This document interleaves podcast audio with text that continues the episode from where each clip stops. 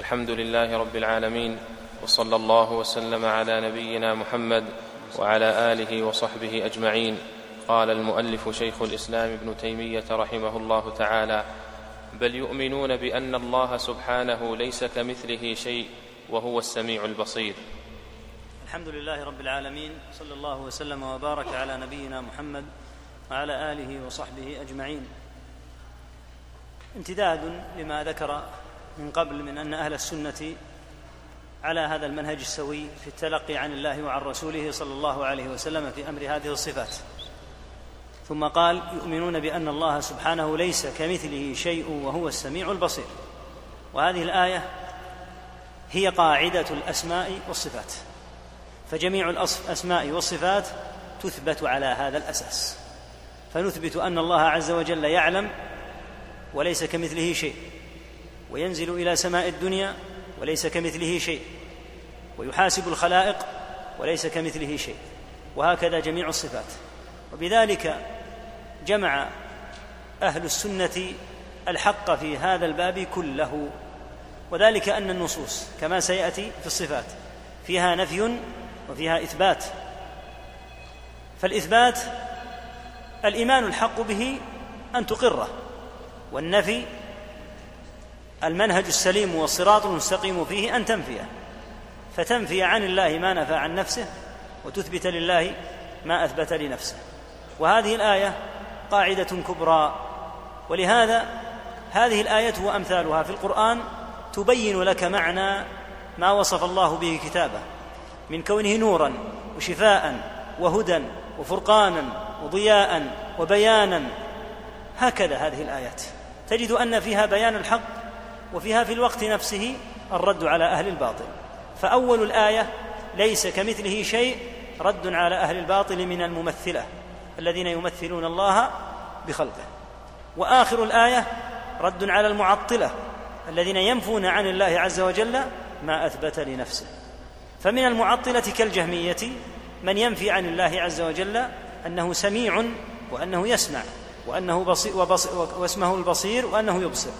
المعتزله تنفي عن الله عز وجل أنه يبصر وأنه يسمع. وهكذا فرق الضلال. تجد أن عندها من النفي ما تنفيه فلهذا سموا المعطلة وسموا النفاة لأنهم ينفون ما أثبت الله. فهذه الآية صراط مستقيم وقاعدة عظيمة. وهذه الآية لها نظائر في الرد على أهل الباطل. فمن أهل الباطل من يركز على الوعيد وليس عنده معرفة بالله إلا من جهة كونه جبارا منتقما شديد البطش. وينسى أنه تعالى رحيم غفور عفو يحب العفو. وهم الوعيدية من الخوارج والمعتزلة. ويقابل هؤلاء المرجئة بطوائفهم الذين يركزون دوما على كون الله عز وجل غفورا رحيما. عفوا ودودا وينسون أنه تبارك وتعالى ينتقم ويبطش ويغضب ويسخط. فجمع الله عز وجل لأهل الحق الأمرين. جمع نصوص الوعد مع نصوص الوعيد. فينشأ من ذلك أن يكون العبد بين الخوف بسبب نصوص الوعيد وبين الرجاء بسبب نصوص الوعد. أما من سوى أهل الحق فإما أن يكونوا مرجئة يقدمون على المعاصي ولا يعرفون عن ربهم سبحانه وتعالى إلا الغفران والرحمة دون بقية صفاته فعلمهم بالله قاصر وعكسهم الوعيدية من الخوارج والمعتزلة. ولهذا تأتي آيات جامعات في الرد على الطائفتين كقوله تعالى نبئ عبادي أني أنا الغفور الرحيم. وهذا يوجب الرجاء. ثم قال وأن عذابي هو العذاب الأليم. وهذا يوجب الخوف. حتى يكون العبد بين الخوف وبين الرجاء. وهكذا قوله تعالى اعلموا أن الله شديد العقاب. ثم قال وأن الله غفور رحيم. يعني حتى تجمع بين الخوف والرجاء. ولهذا أثنى الله على عباده الصالحين بكونهم يدعون ربهم خوفا وطمعا فيجمعون بين الخوف منه تعالى والطمع في رحمته ومغفرته وجنته فتأتي هذه الآيات الجامعات تدبرها العاقل ويتأمل كيف أنها نزلت قبل أن توجد الفرق الضالة ردت على الفرق الضالة قبل أن توجد ولهذا في هذا القرآن معتصم. وأي معتصم؟ ونور وأي نور؟ وفي السنة كذلك. فلهذا وفق الله من لزم هذه النصوص إلى الحق في هذا الباب وفي غيره. أما من لم يلزموا الحق فإنهم دوما يركزون على نوع من النصوص ويغفلون نصوصا أخرى. يتشهون يأخذون من النصوص ما يروق لهم وما يوافق هواهم ويتركون النصوص التي لا توافق هواهم كأن الله ما أنزلها. فلهذا تجدهم أهل هوى. وقد ثبت عن النبي صلى الله عليه وسلم أنه حذر من الذين يتبعون هذا النوع من الآيات التي تروق لأهوائهم. فقرأ عليه الصلاة والسلام قوله تعالى هو الذي أنزل عليك الكتاب منه آيات محكمات هن أم الكتاب وأخر متشابهات. فأما الذين في قلوبهم زيغ فيتبعون ما تشابه منه ابتغاء الفتنة وابتغاء تأويله. الآية. فقال كما في حديث عائشة رضي الله عنها فإذا رأيت الذين يعني على هذا الحال فأولئك الذين حذر الله فأولئك الذين فأولئك الذين سمى الله فاحذروهم. لأنهم يتبعون ما يشتهون من الآيات ويتركون ما لا يشتهون. فلهذا هذه الآية لو صنفت فيها الأسفار الضخمة ما كانت قليلة. جمعت النصوص في الأسماء والصفات في هذه الكلمات التي هي قليلة في مبناها في في مبناها وعظيمة في معناها. ليس كمثله شيء وهو السميع البصير. ولهذا من عجائب أهل الضلال من المعطلة كالجهمية والمعتزلة والأشعرية ونحوهم إذا قلبت كتبهم ألا تجد إلا النصف الأول من الآية. لا يعرفون إلا قوله تعالى ليس كمثله شيء. بقية الآية لأنها ضد لهم الغالب عليهم أنهم لا يكملونها. لأنهم يريدون من الآيات كما تقدم ما يشتهون. ولهذا تعجب قد ترد هذه الآية في كتاب أحد المعطلة في ستين أو مئة موضع. لا يتمها. ليس كمثله شيء ليس كمثله شيء. أكملها. وهو السميع البصير. هذا هو الصراط المستقيم. لتثبت لله ما أثبت لنفسه وتنفي عنه سبحانه وتعالى المماثلة. ولا عجب. فإن صفات الله تعالى كما يأتي لا تقاس بصفات خلقه. نعم. فلا ينفون عنه ما وصف به نفسه. ولا يحرفون الكلم عن مواضعه ولا يلحدون في أسماء الله وآياته ولا يكيفون ولا يمثلون صفاته بصفات خلقه نعم. تقدم يعني شيء كثير من هذا تقدم شيء كثير من هذا هذا ذكره رحمه الله كأن من باب التأكيد أن الله أن أهل الحق لا ينفون الذي وصف الله به نفسه لأن نفيك ما وصف الله به نفسه محادة مصادمة لأن الله يثبت هذه النصوص الصفات ويتمدح بها ثم تأتي لتنفيها وفي الوقت نفسه لا يحرفون الكلمة عن مواضعه يعني أنهم لا يغيرونها ولا يلحدون في أسماء الله وآياته. فالإلحاد على نوعين إما أن يكون من حيث عموم الإلحاد إما أن يكون في الأسماء أو أن يكون في عموم الآيات. وقد حذر الله عز وجل من هؤلاء. قال وذروا الذين يلحدون في أسمائه سيجزون ما كانوا يعملون. ولا يكيفون أيضا ولا يمثلون صفاته بصفات خلقه ويبين السبب الآن إن شاء الله. نعم. لأنه سبحانه لا سمي له ولا كفء له ولا ند له ولا يقاس بخلقه نعم. سبحانه وتعالى. الرب سبحانه وتعالى لا يمثل في صفاته بصفات خلقه. لماذا؟ لأنه لا سمي له ولا كفء له ولا ند له. الذي يقاس على غيره هو المماثل فيقاس هذا على هذا لجامع يجمعهما. فتجد بين المقيس والمقيس عليه معنى مشتركا لازم لكل واحد منهما لا ينفك بوضوح. في هذا معنى بحسب خلقته وما فيه من ضعف وهذا المعنى موجود في الآخر. فالفرق بينهما فالاتفاق بينهما واضح. فلهذا يقاس المقيس على المقيس عليه. يقاس النظير بنظيره. أما الرب فكيف يقاس بخلقه؟ وقد نبه الله على هذا في آيات. فقال تعالى أفمن يخلق كمن لا يخلق؟ أفلا تذكرون؟ كيف يقاس من يخلق سبحانه وبحمده بمن لا يخلق؟ إنما يقيس هذا القياس من لا يتذكر ولا يعقل ولا يعي ولهذا جاءت النصوص العظيمة. منبهه على هذا المعنى وينبغي أن تتأملها عند القراءة. فقوله تعالى وتوكل على الحي. كلمة الحي هذه سمى الله عز وجل بها نفسه وسمى بها غيره سبحانه وتعالى.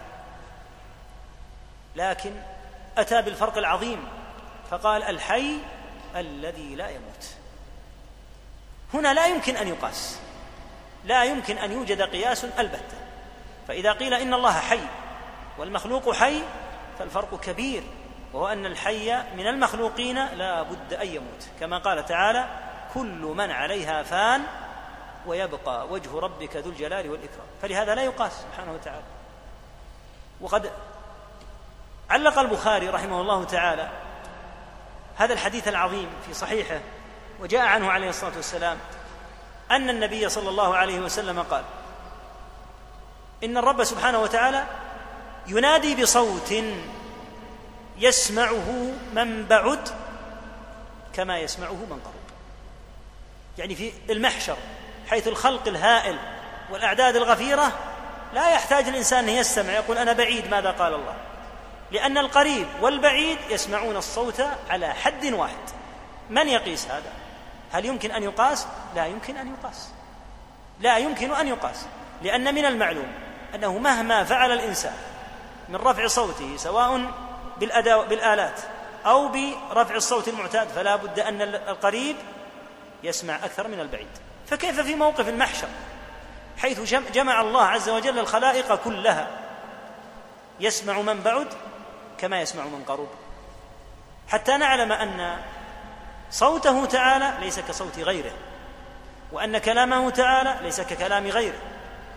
ولهذا جاء أيضا أن الرب تعالى إذا تكلم بالوحي أخذت السماوات رعدا حتى إن الملائكة عليهم الصلاة والسلام بمن فيهم جبريل على عظم خلقه يخرون مغشيا عليهم لتكلمه تعالى بالوحي.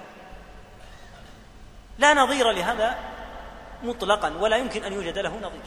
مهما عظم الصوت فانه لا يمكن أن يصل به الحد إلى أن تخر الملائكة التي جعلها الله على هذه الخلقة الهائلة.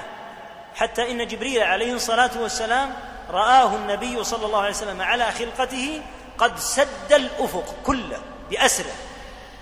لما رفع النبي صلى الله عليه وسلم رأسه وجد الأفق مسدودا بأسره. فلهذا سقط عليه الصلاة والسلام خر على الأرض لهول ما رأى.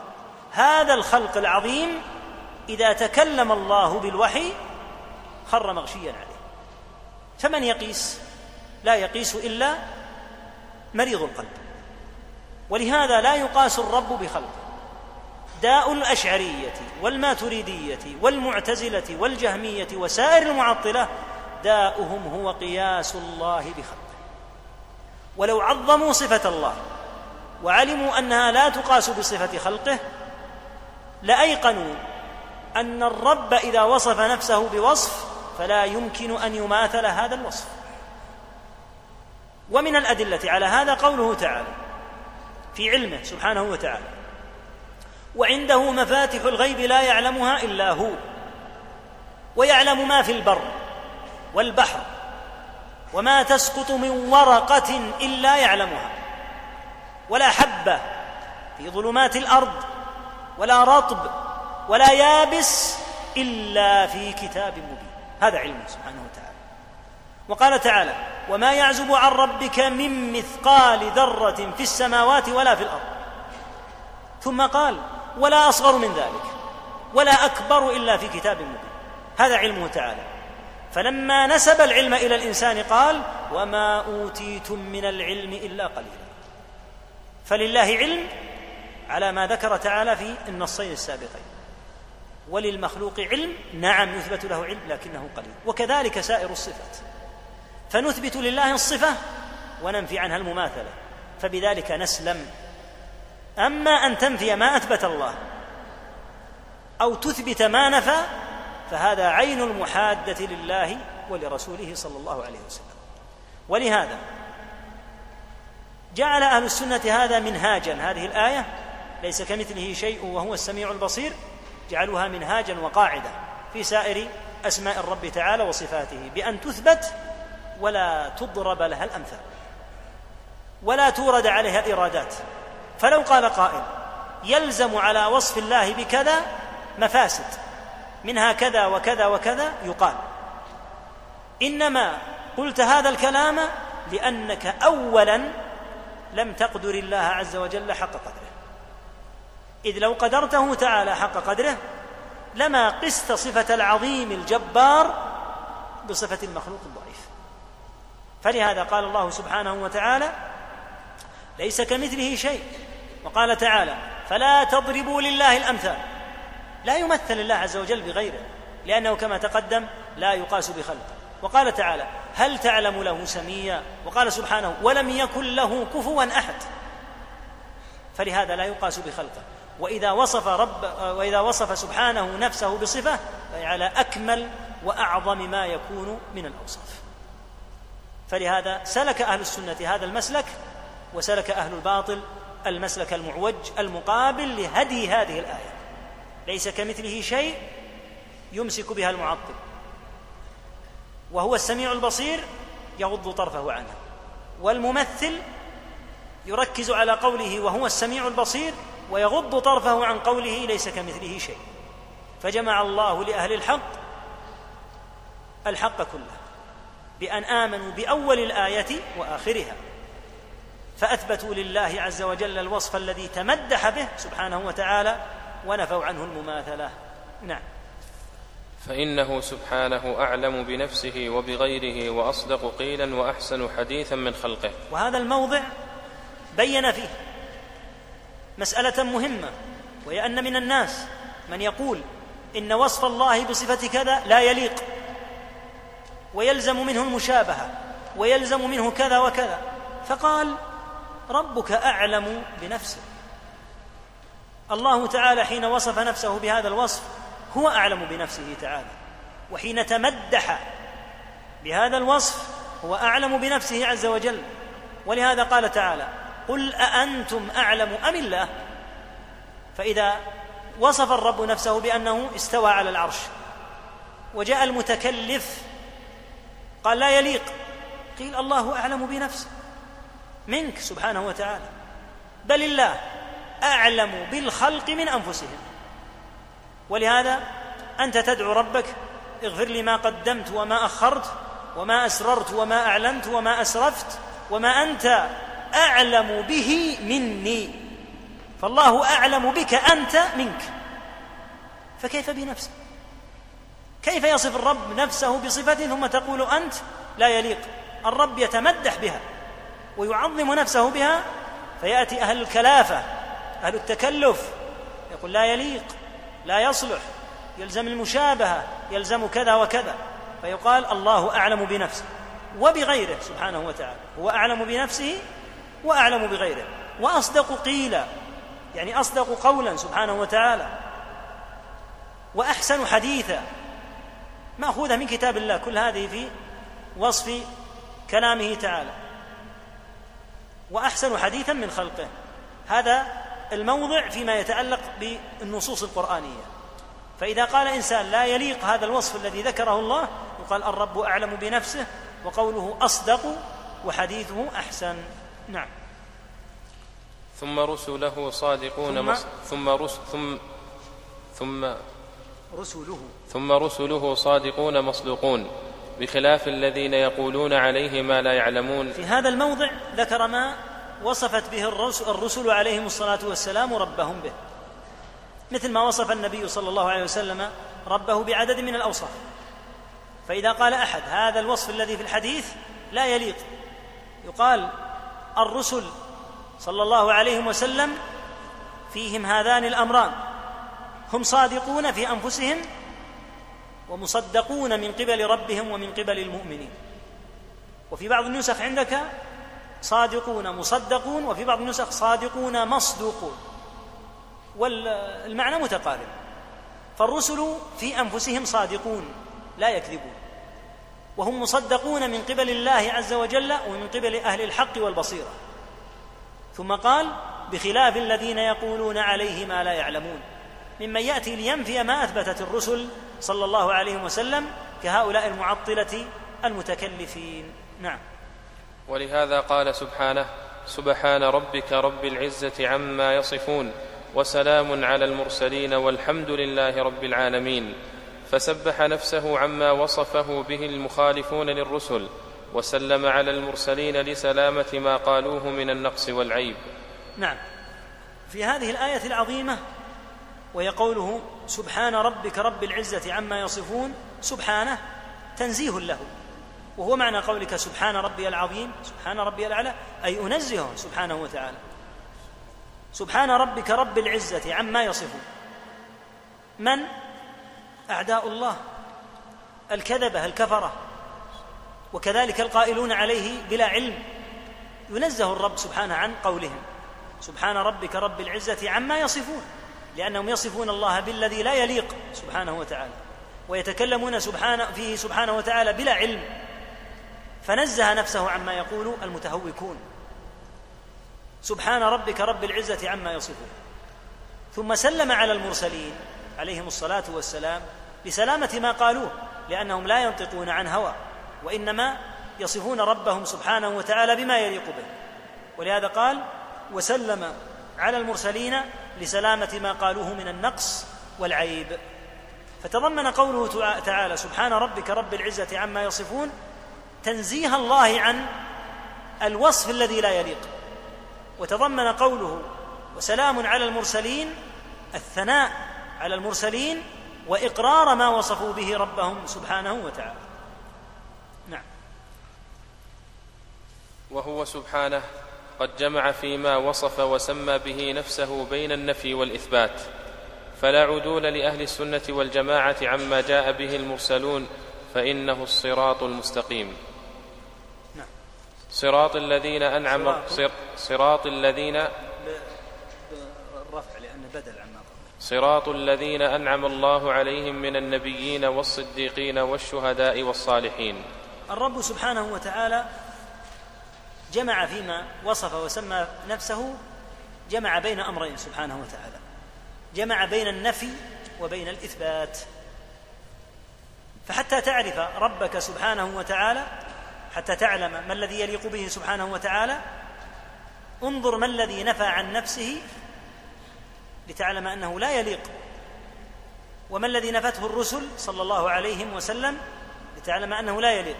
وانظر ما الذي أثبت الرب لنفسه وأثبتت الرسل صلى الله عليه وسلم فتعلم أنه هو الذي يليق بالرب تعالى. لأن الرب سبحانه فيما يتعلق بالصفات إما أن ينفي ما لا يليق أو أن يثبت ما يليق به.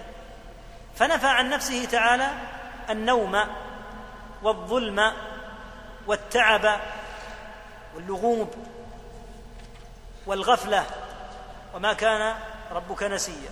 ونفى الظلم وما ربك بظلام للعبيد. ونفى عن نفسه اللغوب. لقد خلقنا السماوات والأرض وما بينهما في ستة أيام وما مسنا من لغوب. ونفى النوم والسنة. فقال لا تأخذه سنة ولا نوم. نفاها لأنها لا تليق به. ولهذا ثبت عن قال النبي صلى الله عليه وسلم إن الله لا ينام ولا ينبغي له أن ينام. هكذا النفي. فإذا سئل العبد عن ربه أينام الله؟ يقال الله لا ينام ولا ينبغي أن ينام. لا يليق أن ينام. أفمن هو قائم على كل نفس بما كسبت؟ أينام؟ الذي الأنفاس تدخل إلى أجواف العباد وتخرج برعايته ونظره سبحانه وتدبيره الذي لا تكون تحريكه ولا تسكينة إلا بإذنه لا ينام. هكذا يكون النفي. نفي ما لا يليق. أما الإثبات فإثبات ما يليق به سبحانه وتعالى مما هو مدح له. فأثبت لنفسه سبحانه القوة والعزة والعلم والقدرة والسمع والبصر إلى غير ذلك مما أثبت لنفسه. هذا المنهج السوي فيما يتعلق بالصفات. فيؤتى إلى ما نفى الله فينفى. ويؤتى إلى ما أثبت الله فيثبت. وأي تجاوز لهذا فإلحاد في الصفات. لأنه إذا أثبت ما نفى الله أو نفى إذا أثبت ما نفى الله أو نفى ما أثبت فقد عدل عن الصراط المستقيم. وألحد في الصفات بمعنى أنه مال عن الحق وعن الطريق السوي فيه. فلهذا جمع الرب سبحانه فيما يتعلق بصفته بين النفي وبين الإثبات.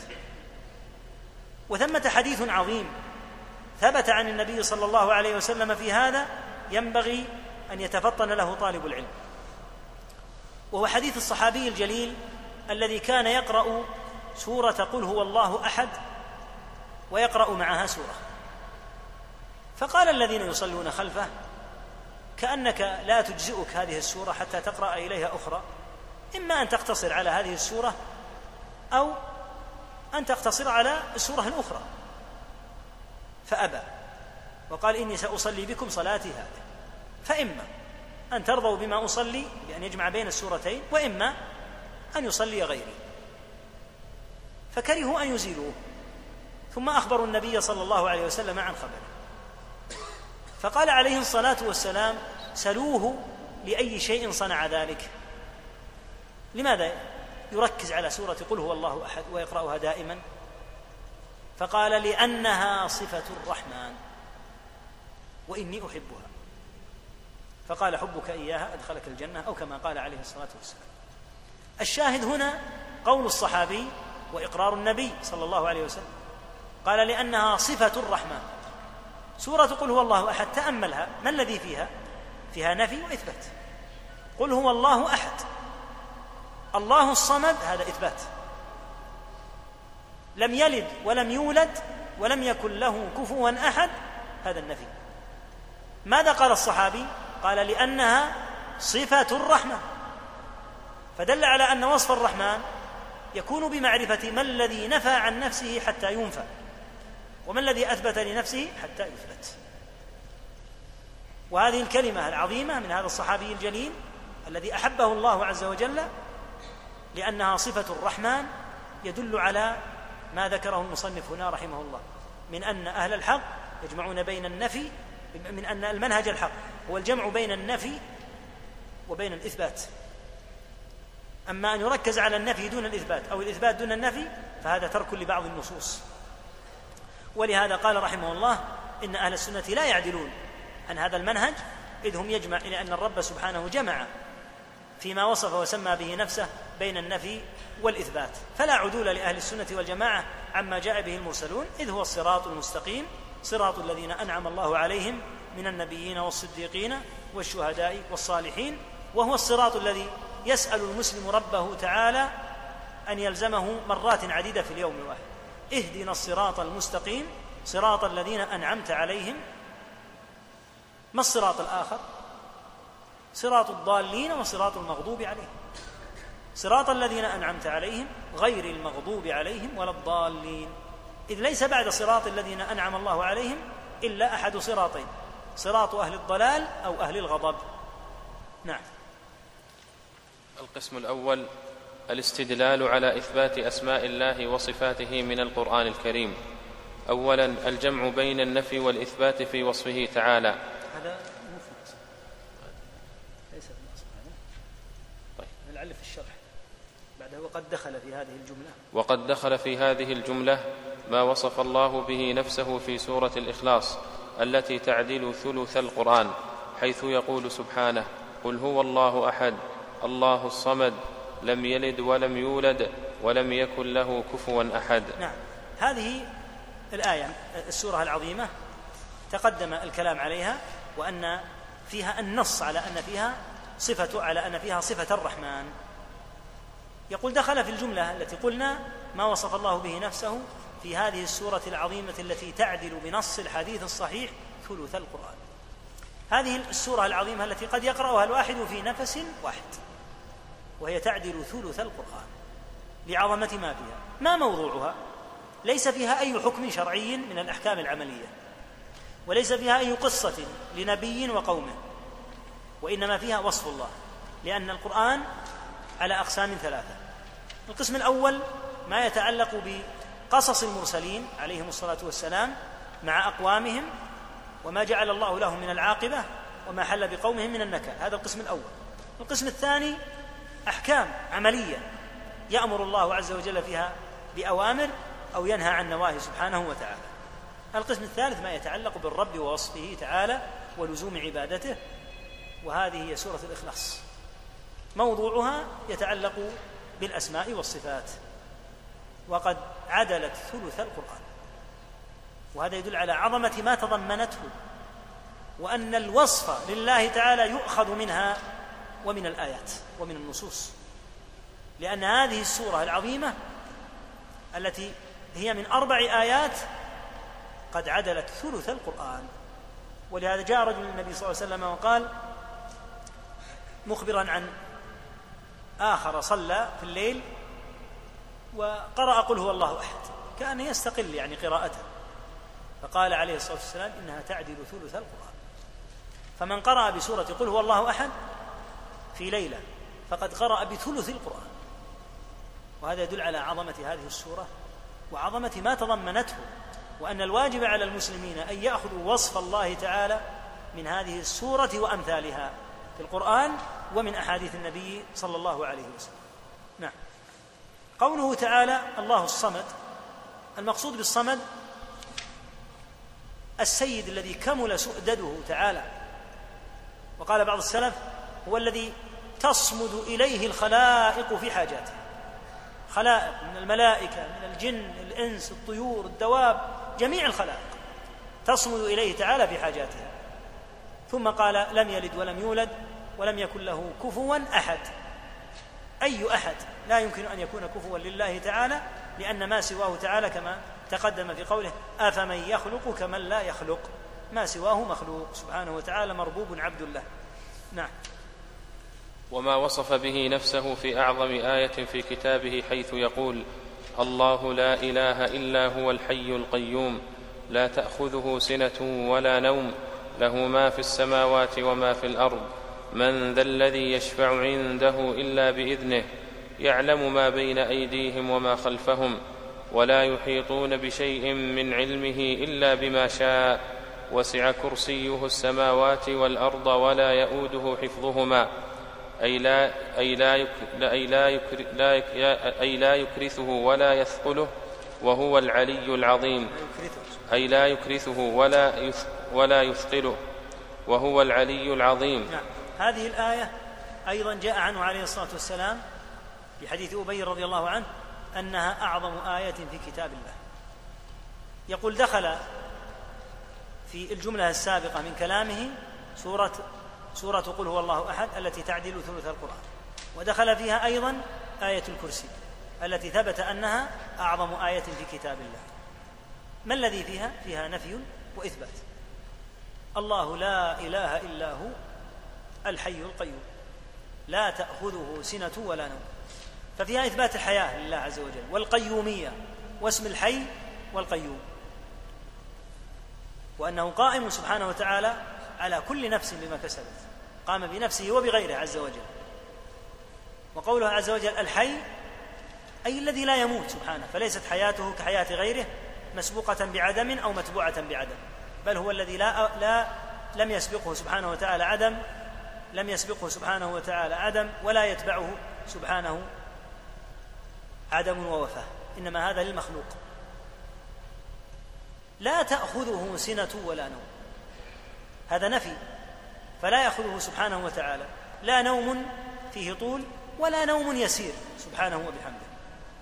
ثم ذكر عدم الشفاعة عنده إلا بإذنه وذكر تعالى أنه يعلم ما بين أيديهم وما خلفهم وهذا إثبات العلم ولا يحيطون بشيء من علمه إلا بما شاء. ثم بين عظمة كرسيه وسع كرسيه السماوات والأرض على عظمتها السماوات السبع والأرضون السبع بالنسبة إلى كرسيه تعالى كدراهم سبعة ألقيت في ترس. والكرسي بالنسبة إلى العرش كحلقة ألقيت في أرض فلاه على عظمة هذا الكرسي هو بالنسبة إلى العرش على هذا الوصف. وسع كرسيه السماوات والأرض ولا يؤوده حفظهما لا يثقله ولا يكرثه سبحانه وتعالى أن يحفظهما. وهو العلي العظيم إثبات لعلوه تعالى وإثبات لعظمته. ففيها النفي في سورة في آية الكرسي أيضا ففيها النفي والإثبات. نعم. ولهذا كان من قرأ هذه الآية في ليلة لم يزل عليه من الله حافظ ولا يقربه شيطان حتى يصبح. نعم جاء هذا عنه عليه الصلاة والسلام إقرارا كما في حديث أبي هريرة رضي الله عنه في قصة الذي يحثي من الطعام وأخبره عليه الصلاة والسلام أن ما قاله له في شأن آية الكرسي أنه صدق فيه. قال صدقك وهو كذوب. ولهذا آية الكرسي من قرأها لا يقربه شيطان. والتعبير بكلمة لا يقربه أبلغ من كلمة لا يضره. فإن الشيطان لا يقربه أصلا حتى يضره. ولهذا إذا قرأت هذه النصوص بلجوء إلى الله سبحانه وتعالى وتعظيم له سبحانه واعتقاد تام بأنه سبحانه وبحمده لا يخلف وعده وأن الأمر إليه وحده لا شريك له. زالت إشكالات كثيرة يذكرها بعض من يعانون مثلا في منامهم من الضيق أو من أنواع من الأذية سواء من الجن أو من غيره. يقرأ هذه الآيات معتمدا على الله تعالى محسنا به الظن مصدقا لوعده وتزول بإذن الله لأن في الحديث أنه لا يقربه شيطان والله تعالى يقول وعد الله لا يخلف الله وعده. فالله تعالى لا يخلف وعده وهذه المخلوقات ايا كانت من الجن أو من الإنس أو من الطيور أو الدواب أو غيرها مربوبة مخلوقة مسخرة تحت قهره سبحانه وتعالى. نعم. وقوله سبحانه هو الأول والآخر والظاهر والباطن وهو بكل شيء عليم. نعم. هذا مما تسمى الله عز وجل به وهو دال على عظمته. قال تعالى هو الأول والآخر والظاهر والباطن وروى مسلم في صحيحه عن النبي صلى الله عليه وسلم تفسير هذه الأسماء. اللهم أنت الأول فليس قبلك شيء وأنت الآخر فليس بعدك شيء وأنت الظاهر فليس فوقك شيء وأنت الباطن فليس دونك شيء وهذا أعظم تفسير لهذه الآية. ولا تفسير أبلغ من تفسير رسول الله صلى الله عليه وسلم. والذين تخبطوا فيها في هذه الآية من أهل الكلام وغيرهم أتوا فيها بالعجائب مع صريح النص وصحته في صحيح مسلم بتفسير النبي صلى الله عليه وسلم هذه الأسماء العظيمة. وهذا الاسم العظيم الأول هو الذي ينبغي أن يسمى الله به. ويسمي البعض يسمي رب العالمين بالقديم. واسم القديم قد تكلم أهل العلم هل يطلق على الله أو لا؟ فمن أهل العلم من يقول إنه لا ينبغي أن يطلق القديم لأن القديم في لغة العرب إنما يطلق على من سبق بعدم. كما قال تعالى أنتم وآباؤكم الأقدمون. وهؤلاء الآباء الأقدمون مسبوقون. وهكذا قوله تعالى حتى عاد كالعرجون القديم. فالعرجون القديم مسبوق بخلاف الأول. الأول ليس قبله شيء كما قال عليه الصلاة والسلام. فينبغي تسمية الله بهذا الاسم العظيم. والآخر فليس بعده شيء. يرث الخلائق كلها سبحانه وتعالى ولا يبقى سواه. والظاهر فليس فوق الله عز وجل شيء. وصف الظهور يقتضي العلو فهو سبحانه وتعالى لا أحد فوقه سبحانه وتعالى ولا أعلى منه. والباطن الذي ليس دونه شيء سبحانه وبحمده. وهذه الأسماء العظيمة اجتماعها في الله يدل على عظمته عز وجل. إذ العادة عند الناس عند الناس أن الأول لا يكون آخر. فإما أن يكون هو الأول أو يكون هو الآخر. أما الله تعالى فهو الأول والآخر. وهو الظاهر والباطن. ولهذا قلنا ونقول لا يقاس الله بخلقه. ولا يضيع الإنسان إلا إذا صار يقيس ربه بخلقه. ولهذا قال أهل العلم إن كل معطل يعني كل نافي فهو ممثل يعني مشبه. كيف ذلك؟ قالوا إنه لم ينف عن الله عز وجل صفته إلا لأنه مثلها اولا بصفة خلقه. فلما مثلها بصفة خلقه قال لا تليق هذه الصفة بالله. ولهذا كل معطل فهو ممثل اولا. فلما مثل الله تعالى عطله. أما لو عظم الله وعرف أن وصفه تعالى لا يمكن أن يقاس بخلقه كما قال تعالى وما قدر الله حق قدره والارض جميعا قبضته يوم القيامه السماوات مطويات بيمينه عظمه من عظمة رب العالمين سبحانه وتعالى. حتى إن الأرض في كف الرحمن كالخردلة في كف احدهم حتى لا يقاس الرب سبحانه بحمده وتأمل هذه الآية حتى تبقى معك إن شاء الله. حجة دامغة. لكل معطل قوله تعالى وهو سريع الحساب. ما المراد بسرعة الحساب؟ الله أكبر.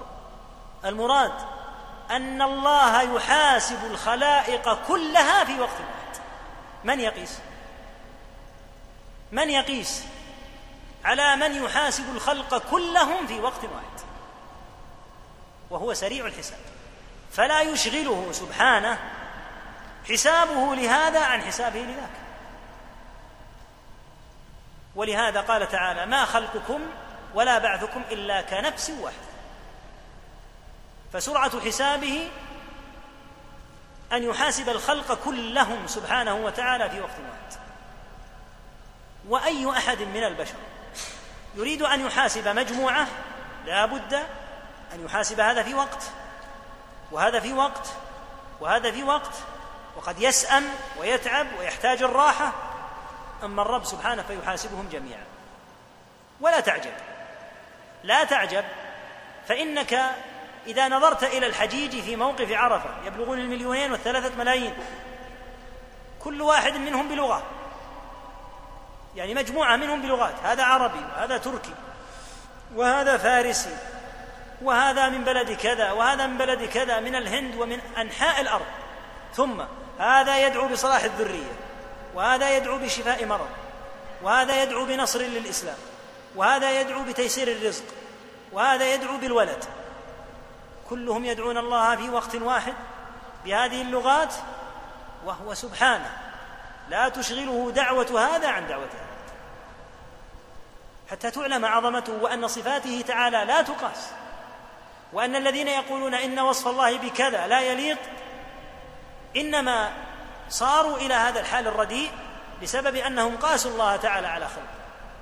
ولهذا قال تعالى وما قدروا الله حق قدره أي وما عظموه حق عظمته. إذ لو عظم سبحانه لعلم أنه تبارك وتعالى. إذا وصف نفسه بوصف فلا يمكن أن يكون هذا الوصف يتطرق إليه أي إشكال. ولهذا تأمل آيتين أيضا في القرآن. ذكرتا الأسماء والصفات. قال سبحانه ولله الأسماء ما قال الحسنة. قال ولله الأسماء الحسنى فله أحسن الأسماء سبحانه. ولما جاء للوصف قال تعالى ولله المثل الأعلى وما قال العالي. المثل الأعلى. ولهذا نهى الله عن أن يضرب له الامثال فقال فلا تضربوا لله الأمثال.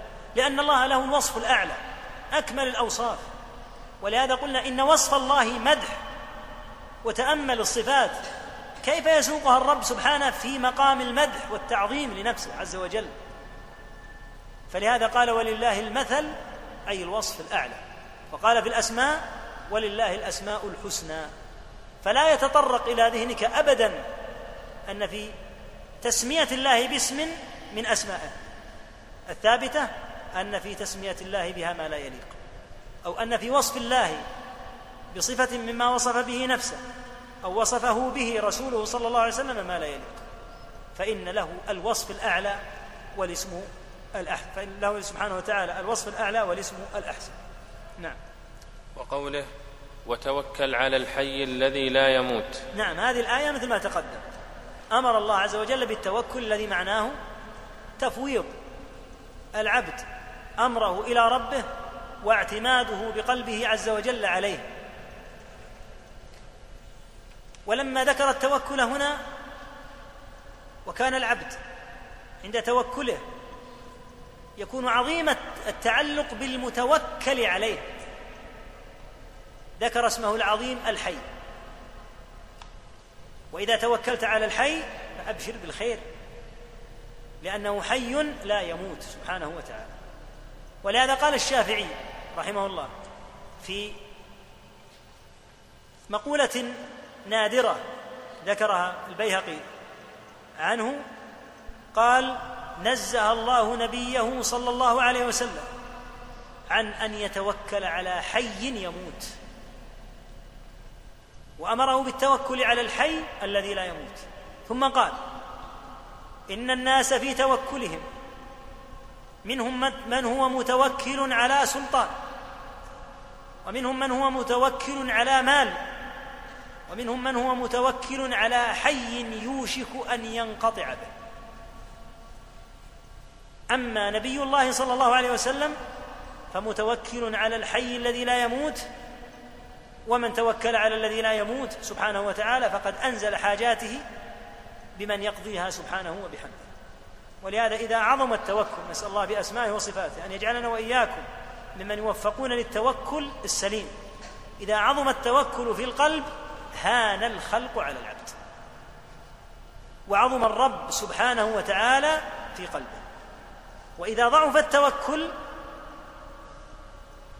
خاف العبد حتى ممن لا يخاف وصار يتصور الضرر ممن لا يتصور منه الضرر بعض الأحيان. فالتوكل إذا عظم في القلب على الحي سبحانه وتعالى الذي لا يموت هان الخلق على هذا المتوكل على ربه تعالى. إذ هو متوكل على حي لا يعزب عنه مثقال ذرة في السماوات ولا في الأرض حي لا يموت سبحانه وتعالى.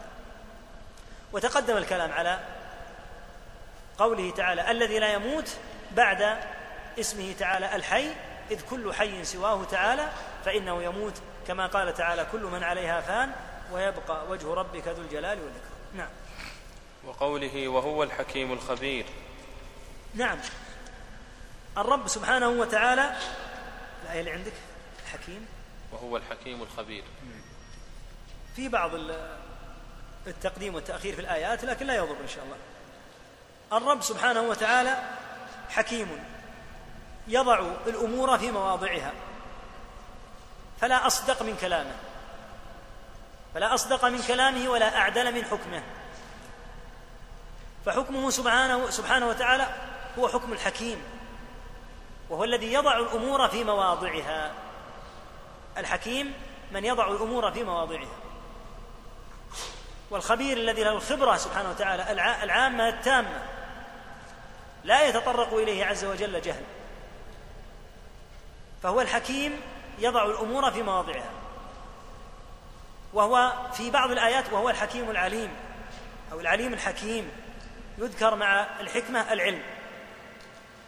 فيتم بذلك لله عز وجل أكمل ما يكون من هذين الاسمين ومما يتعلق بهما من الصفات صفة العلم وصفة الحكمة. نعم. وقوله يعلم ما يلج في الأرض وما يخرج منها. وما ينزل من السماء وما يعرج فيها. نعم. ذكر عز وجل هذا في علمه. أنه سبحانه وتعالى يعلم ما يلج في الأرض. يلج يدخل في الأرض أشياء يعلمها سبحانه وبحمده. ويعلم ما يخرج منها. ويعلم سبحانه ما ينزل من السماء من ملائكة أو غيرها وما يعرج فيها. إذ الملائكة تنزل من السماء وتعرج فيها. كل هذا بعلمه الذي لا يعزب عنه شيء. نعم. وقوله وعنده مفاتح الغيب لا يعلمها إلا هو ويعلم ما في البر والبحر وما تسقط من ورقة إلا يعلمها ولا حبة في ظلمات الأرض ولا رطب ولا يابس إلا في كتاب مبين. تقدمت الآية أيضا وقوله تعالى وعنده مفاتح الغيب هذه المفاتح هي المذكورة في آخر سورة لقمان في قوله سبحانه وتعالى إن الله عنده علم الساعة وينزل الغيث ويعلم ما في الأرحام وما تدري نفس ماذا تكسب غدا وما تدري نفس بأي أرض تموت. فهذه عنده تعالى لا يعلمها إلا هو. لا يعلمها ملك مقرب ولا نبي مرسل. فعنده تعالى علم الساعة. لما سأل خير الملائكة. خير النبيين جبريل عليه السلام سأل محمدا صلى الله عليه وسلم عن الساعة قال ما المسؤول عنها بأعلم من السائل؟ فلا يعلمها السائل وهو جبريل ولا المسؤول وهو محمد عليهما صلاة الله وسلامه. ويعلم إن الله عنده علم الساعة وينزل الغيث فلا ينزله إلا هو سبحانه وبحمده. لا يستطيع أن ينزله أحد. إلا في الموضع الذي يريده الله. وأورد بعض الناس ما يعرف بالاستمطار وهو التعرض للسحب لمحاولة إسقاط ما يشاء الله عز وجل أن يسقط من مطرها. فيقال ها هنا أمران كبيران مهمان. الأمر الأول أن الاستمطار هذا لا يمكن أن يقع إلا بإذن الله. فقد تعمل هذه العملية ولا يقع المطر. والأمر الآخر وهو مهم جدا وهو أن المطر كما قال تعالى ولقد صرفناه بينهم ليذكروا فأبى أكثر الناس إلا كفورا يصرفه الله فيوقعه على أرض دون أرض. ولهذا قد يتعرض للسحب بالاستمطار ثم إن الله يسوقها بالريح فتمطر في غير الموضع الذي أريد المطر فيه. هذا يقع الآن. ولهذا وقع في بعض البلدان الغربية أن اشتكى بعض أهل المزارع من أنه لما تعرض للسحاب ليسقط في موضع معين سقط على موضع فتضرر بهم أصحاب ذلك الموضع. هذا يمثل ماذا؟ أن المطر لا يمكن أن ينزل إلا بإذن الله وإن عمل ما يسمى بالاستمطار فإنه قد يعمل الاستمطار ولا يقع المطر لأنه كالعلاج. يأكله مريض فيشفى بإذن الله ويأكله مريض بنفس الأعراض فيموت ولا يشفى لأن الأمر راجع إلى الله تعالى. والأمر الثاني أن تحديد الموضع ليس من قبل هذا الذي يسعى إلى الاستمطار لأن الله قد يسوقه بالريح في فيزول عن الموضع الذي كان يؤمل أن يسقط فيه فهذا أمر مهم. إنزال الغيث إلى الله عز وجل. ويعلم ما في الأرحام. ما اشتملت عليه أرحام الإناث من الدواب والطيور والإنس وغيرهم لا يحيط بها إلا الله تعالى. ثم أيضا لا يشكل على هذا ما أطلع الله عز وجل عليه الناس من أمر تصوير الجنين وهو في الرحم. فإن الجنين قبل أن تنفخ فيه الروح بعد أن تنفخ فيه الروح يطلع عليه الملك. قال ابن كثير وقد يطلع عليه غير الملك. فليس من الغيب المطلق الذي لا يعلمه إلا الله. بخلاف ما يكون قبل أن تنفخ فيه الروح فإنه لا يستطيع أحد أن يحدد ما دام مضغة لم يتضح فيه التخليق فهو في نطاق الغيب. فإما أن يكون قوله تعالى ويعلم ما في الأرحام. يشمل الحال الذي قبل التخليق فلا يستطيع أحد أن يدعي أن هذا الموجود في رحم المرأة ولو بالتصوير أنه أنثى. فيكون هذا فيما قبل التخليق. وأمر آخر. التصوير قد يخطئ المصور ووقع هذا كثيرا. فيظن أن ما في الرحم أنثى وهو ذكر أو العكس. أمر ثالث وهو أن الذي يصور يطلع بوسيلة. أما علم الله فهو غيب فلا يستطيع أن يقول أحد إنما في جوف هذه المرأة أنثى هكذا. بدون أن يستعمل آلة. فالحاصل أن هذا لا يشكل ولا يمكن أن يشكل.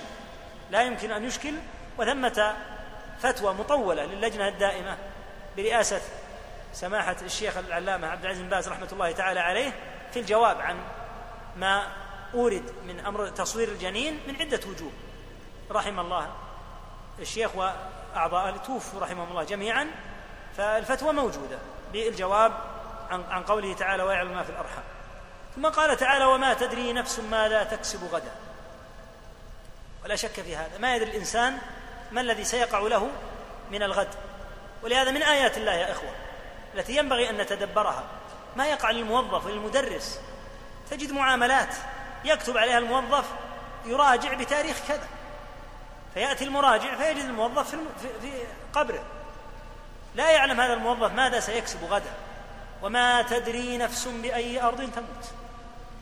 ما يدري الإنسان أين سيموت في بلده أو في غير بلده؟